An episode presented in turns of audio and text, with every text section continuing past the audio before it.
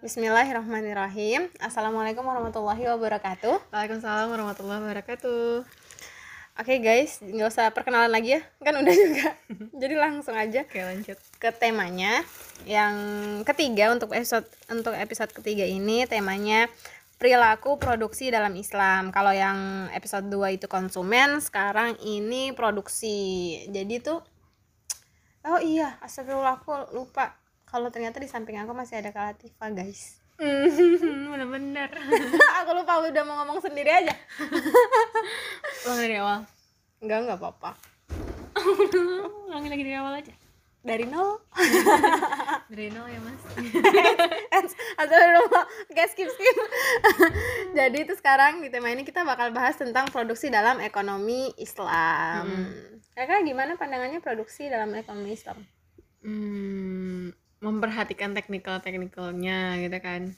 Ya nggak sih kayak masuk masuk. eh, untuk dari segi kalau kayak makannya ya berarti memperhatikan dia itu makanannya halal apa haram terus Proses produksinya. Iya proses produksinya dia mengucapkan basmalah enggak juga sih maksudnya eh, ketika Ya sih jatuhnya kalau orang itu mungkin kalau yang korban kali ya Iya, korban, iya. kalau kayak daging-daging gitu kan Iya, dia mm. disarankan untuk kayak ya jangan make mesin dan sebagainya lebih baik kayak dipotong gitu biasa gitu Mm-mm. nah eh, kalau dari segi yang lainnya mungkin kayak memperhatikan bahan baku bahan baku yang halal Mm-mm, terus benar. kemudian juga bahkan kayak diperhatikan minyaknya itu minyak apa terus Mm-mm. kemudian kayak eh, bahan dasar itu bahan dasar apa gitu kan Mm-mm. Nah, kalau dalam Islam sendiri nih, dalam perspektif ekonomi Islam, kegiatan produksi itu terkait dengan manusia pasti ya kan karena manusia yang mengolah. Dan eh, eksistensinya dalam aktivitas ekonomi. Jadi, produksi merupakan kegiatan menciptakan kekayaan dengan pemanfaatan sumber daya alam oleh manusia.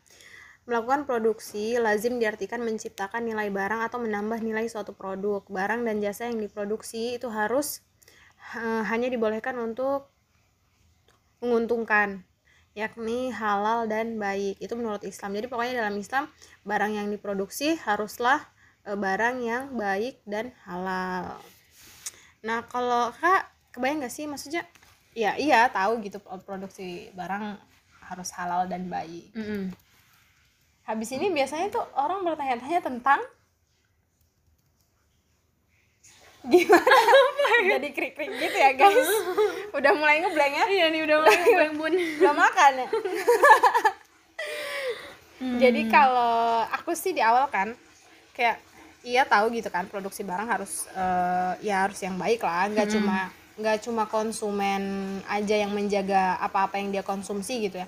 Tapi kita sebagai produsen juga harus memperhatikan apa-apa aja yang kita produksi gitu kan karena kan ini jatuhnya kalau misalnya kita produksi yang baik kan eh, kita bakal dapat manfaatnya juga kan. Kalau kita produksi hal-hal yang buruk ya cuma gimana kalau rokok?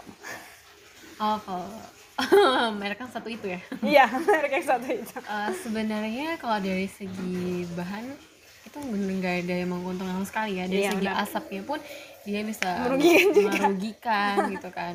Terus dari segi eh, apa namanya eh, kayak bahan bakunya juga dia bisa merusak juga terus eh, ketergantungan dan sebagainya gitu. Nggak ada yang sehat sama sekali bahkan nggak ada yang positif dari rokok itu iya benar-benar banget. Gitu sih sebenarnya ya.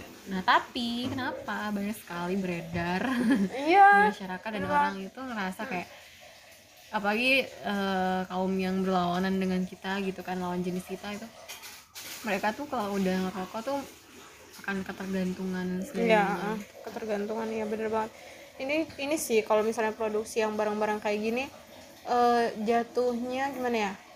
Dari sisi pemerintah sendiri kan rokok ini menyumbang lumayan besar ya buat negara gitu pemasukannya. Mungkin kalau kita jadi pemerintah juga bakal bingung kali ya kak iya. Antara memberhentikan produksi Mm-mm. atau melanjutkan produksi. Iya karena eh, sama-sama ada. sumbang sih si PT tersebut juga begitu besar juga gitu kan untuk iya pemerintah untuk membantu mungkin Mm-mm, ada positif negatifnya ya? Iya.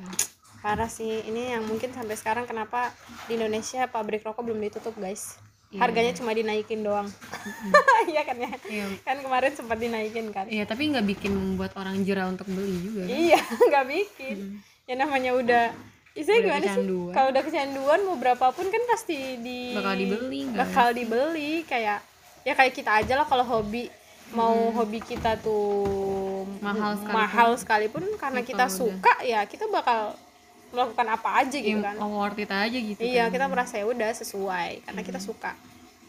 Nah, jadi di sini aku mau infoin eh, apa ya proses produksi yang benar-benar sesuai dalam eh, ekonomi Islam itu adalah yang harus berkaitan dengan makosid syariah. Hmm. Makosid syariah ini tuh kayak eh, dia itu sama dengan rukun Islam. Oh, kena Islam. Ada lima kan? Mm-mm.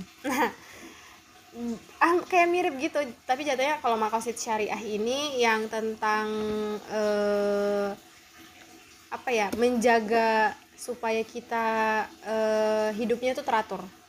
Jadi ada lima. Pertama tuh menjaga agama menjaga nafsu menjaga harta menjaga keturunan sama satu lagi itu menjaga menjaga hati. Ada aja suara-suara lainnya dari kanan dan kiri. Iya, dari kanan dan kiri. Oh iya, betul. Mohon maaf ya kalau ada suara-suara aneh. Soalnya kita nggak di studio, guys.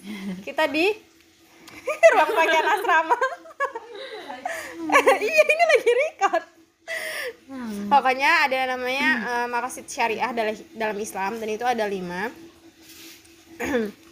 itu tuh yang benar-benar harus kita jaga banget. Pertama, kegiatan produksi harus dilandasi nilai-nilai Islam dan sesuai dengan makosid syariah seperti tadi aku bilang. Tidak memproduksi barang atau jasa yang bertentangan dengan penjagaan terhadap agama, jiwa, akal, keturunan dan harta. Nah, ini nih nih. Ini nih makosid syariahnya ini, Kak.